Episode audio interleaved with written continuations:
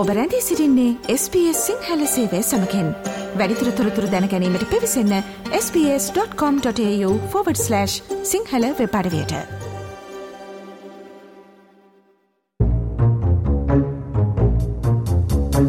කෑලි කපන්න පුළුවන් කළුවර කියන එකේ තේරුම හරියට මම දැනගත්තේ එදා. ඒ වෙලාවේ මං හිටියේ පොළොවේ ඉඳන් මීටර් 60ක් විතර ගැඹුරේ හිරිගල් ගුහාවක පතුලේ. ඒ වගේ කළුවරක විනාඩි 15ක් හිටියොත් උතුර දකුණ මාරු වෙනවා. ඒත් මේ ගුහාව ආලෝකය තියෙන වෙලාවට නම් හරිම විචිත්‍රයි, සුන්දරයි. බටහිර ඕස්ට්‍රේලියාවේ කොනක ස්වභාව ධර්මයෙන් මවපු අපූර්ව ගුහාවක් ඇතුළට තමයි අද ඔස්ට්‍රේලියන් රූරල් බියුටි චාරිකාවෙන් මම ඔබව අරන් යන්නේ.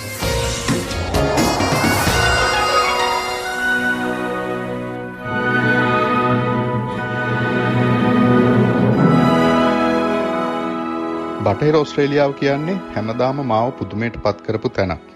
වැඩි හරියක් කාන්තාර සහිත ප්‍රදේශයක් වුණත් සුන්දර පරිසරය සහ ස්වභාධර්මයේ විස්මිත මැවුම් බලන්න හිත යන කෙනෙකුට බටහිර ඔස්ට්‍රේලියාව තරම් තැනක් ඔස්ට්‍රේලියාවේ තවත් නැතුව ඇති කියලා මට හිතෙනවා.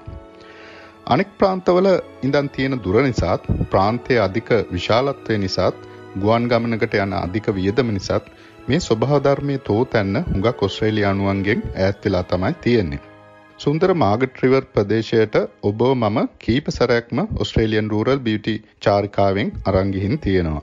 ඉතින් අපූර්ව ස්ථානයක් ගැන තමයි අද මම ඔබට තොරතුරු අරගෙන එන්නේ. ඒ තමයි ඔගස්ටා කියන ප්‍රදේශයේ තියෙන ජුවල් කේව් කියන හිරිගල් ගුහාවට ගිය චාරිකාව.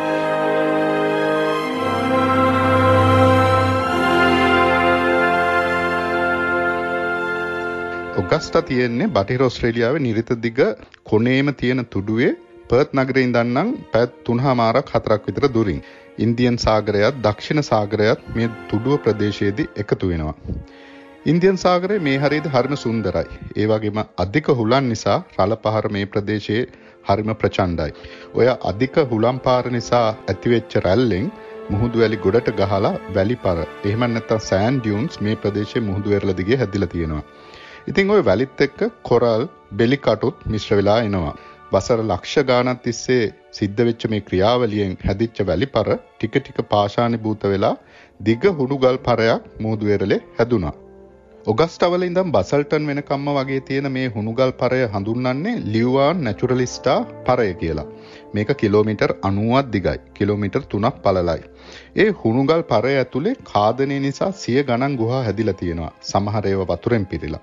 සමහර ඒවා හොයාගෙනවත් නැහැ. සමහර ඒවාට මිනිස්සුන්ට යන්න අවසර නැහැ. මේ හුණුගල්පරේ මායින් කරගෙන මහා වනාන්තරයේ මැද්දේ මූද අද්දරින් යන පාරක් තියෙනවා. ඉතින් ওই පාරට කියන්නේ කේව්ස් රෝඩ් කියලා.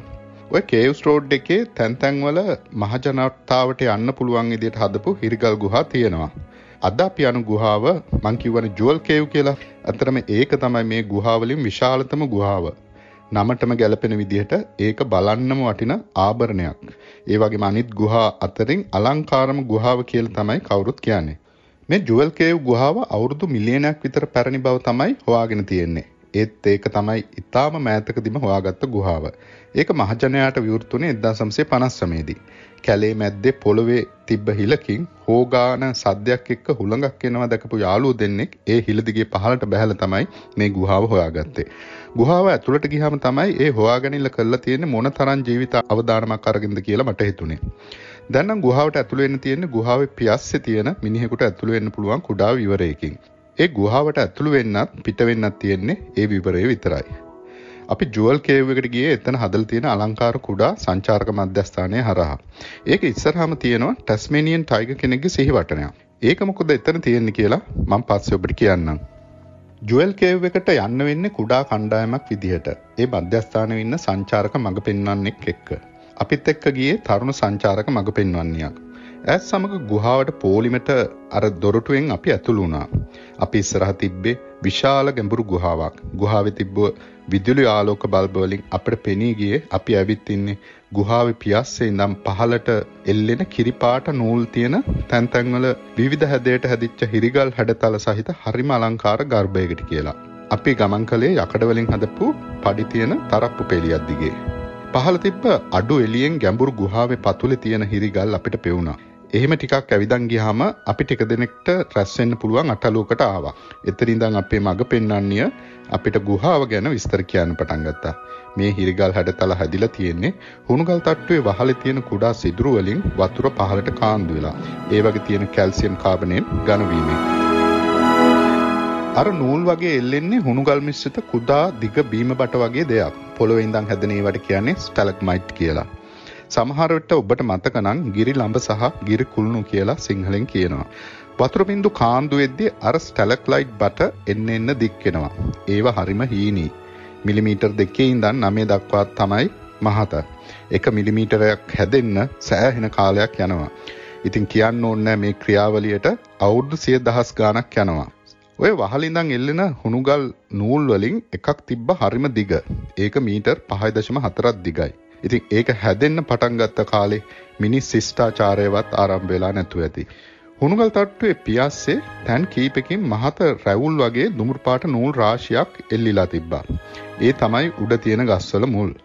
ගුහාව ඇතුලේ තෙතමනේ හොයාගෙන හුණුගල් තට්ටුව සිදුරු කරන් මීටර් ගාණක් පහළට දික් වෙලා. අන්න ඒ වගේ මුලක් තිබිලා මැරිච්ච ගිය තැනකින් තමයි අර මුලින්ම ගුහාව හොයාගත්ත යාළුවෝ දෙන්න කඹ ආධාරයෙන් පහළට බැහැලා තිබ්බේ.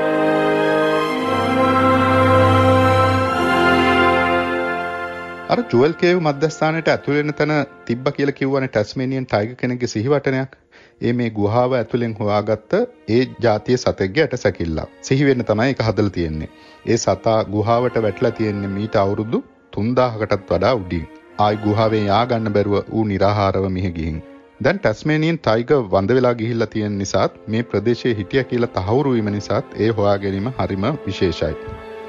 ගුහාවේ මුළු ජීවිත කාලයටම සත්තු දෙන්නෙක්ගේ ඇටසැකිලි විතරයි මේක තියලා හම්බ වෙලා තියෙන්නේ. මේ ගුහාවේ දැන් කිසිම සතෙක් නැහැ. ඒ ආහාර නැතිකම නිසායි ඔක්සිජන් අඩු නිසායි. ඉතින් මෙතන ඉඳන් තවත් පහලින් තියෙන ඊළඟ අටලුවට යන්න කලින් අපේ මග පෙන්වන්නේ කිව්වා උස ස්ථානවල ඉන්නකොට කාට හරි අපහසුතාවයක් ඇති වෙනවා නම් දැන් එළියට යන්න මොකද අපි තවත් ගැඹුරට යනවා කියලා. මොකද අපිට ඊළඟට තව තවත් ගැඹුරට තරප්පු පෙළ දිගේ යන්න තිබ්බා. ඊළඟ බැස්ම ටිකක් අමාරුයි. අපිට යන්න උනේ හුණුගල් කුළුණු මැද්දෙන්. හැබැයි ඊළඟ අටලුවට ගියාම ගුහාවේ සුන්දරත්වය තව තවත් වැඩියෙන් පේන්න ගත්තා. අපි ඇවිල්ලා තිබ්බේ ගුහාවේ දෙවෙනි විශාල ගර්භයට. අපි පඩිපෙළ බැහැගෙන යද්දී කිරිකරඬු වලින් හැදිච්ච අලංකාර ආභරණ වගේ කුටියක් කරහා යන්න වුණා. ඒක නිසා තමයි මේ ගුහාව ජුවල් කේව් කියලා නම් වුනේ. විදුලි ආලෝක රටා එක්ක ඒවා හරිම සුන්දරව දිස්සුණා. තවත් පහලට ගිහිල්ලා අපි විශාල ශාලාවකට ඇතුළු වුණා. ඒක තමයි ගුහාවේ පතුල. එතන ඉඳන් ගුහාවේ විවරයට මීටර් 40කට වඩා උසයි. ඒ ගුහාවේ පතුල මුල් දවස්වල පොකුණක් වගේ වතුර පිරලා තිබිලා තියෙන්නේ. ඒක නිසා ඒ කුටියේදී අපි ඇවිදින්නේ පොළොව උඩින් හදපු වෝක්වේ එක. කොහොම හරි හදිස්සියෙම ඒකේ වතුර හිඳිලා ගිහිල්ලා. කෘෂිකර්මය සඳහා නලලින් හදපු නිසා වෙන්න පුළුවන් කියලා අපේ මග පෙන්වන්නේ කිව්වා. එතනදී ආයේ විවිධාකාර වර්ණවල එලි කිරිගරුඩ හැඩයන් අස්සේ දල්වලා වයිවර්ණ ආලෝක රටා මැව්වා. ඒක හරිම චමත්කාරදනකයි. ඊට පස්සේ තමයි ඇය ගුහාවේ සියලු ආලෝකය නිවලා දමලා අර පූර්ව ප්‍රචාරක පටේ කියපු පැහැදිලි කිරීම කළේ. ඉතින් මුළුන් ගුහාව හොයාගන්නකොටත් ඒ කෑලි කපන ඝන අන්ධකාරය තමයි තිබ්බේ. අන්තිමට ගුහා සංචාරය ඉවර කළා අපි ආපු තරප්පු පෙළ දිගේම උඩට නැගලා ගුහාවෙන් එළියට ආවා. කවද හරි දවසක ඔබට මේ ප්‍රදේශයේ ගියොත් ජුවල් කේව් එක බලන්න යන එක අමතක කරන්න එපා. එහෙමනම් අද මම සමුගන්නවා. ලබන මාසෙත් අන්තිම සිකුරාදා ඔස්ට්‍රේලියාවේ වැඩි දෙනා නොදන්න පැත්තකට යන ඔස්ට්‍රේලියන් රූරල් බියුටි චාරිකාවකින් හමු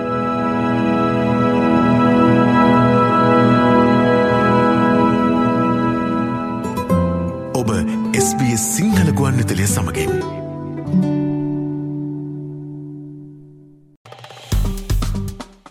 ලයි කරන්න ෂයා කරන්න අදහස් ප්‍රකාශ කරන්න SBS සිංහල ෆස්බුක් පිටුව ෆලෝ කරන්න.